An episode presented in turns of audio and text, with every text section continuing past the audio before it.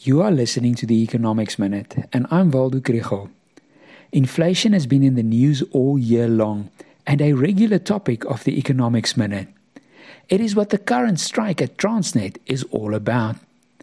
If one were to ask why inflation is so bad, the short answer is because everything becomes more expensive. The longer answer is because it causes uncertainty and it breaks down trust within society.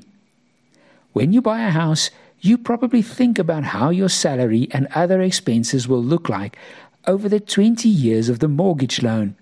But inflation reduces the purchasing power of your money. This is why striking workers now want an inflation rate adjustment of their salaries. Similarly, the blueberry exporters started their farms with an idea of their costs and the demand of their product but inflation causes costs to rise and dampens demand. Now, there's also a strike that prevents their products from reaching the market. So, how do we make decisions when we are unsure what the purchasing power of our money will be in the future?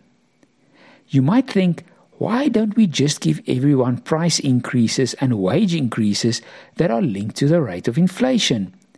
Because then people will start to lose faith in the currency itself. People's expectations about the inflation rate, which are built into contracts, lose their anchor, and then inflation rises even further. Transnet workers would like an inflation rate increase, and SATAWU has already turned down a 6% increase. But that offer is for a three year agreement. And if the consensus inflation forecast is correct, 6% is a greater than inflation adjustment in the years to come. Then inflation will rise even further, and people start doing economically ineffective things. To hedge their exposure to inflation, they will instead keep their savings in dollars or invest in cattle or Bitcoin to try and save it. Even worse is when they lose faith in institutions like the Reserve Bank.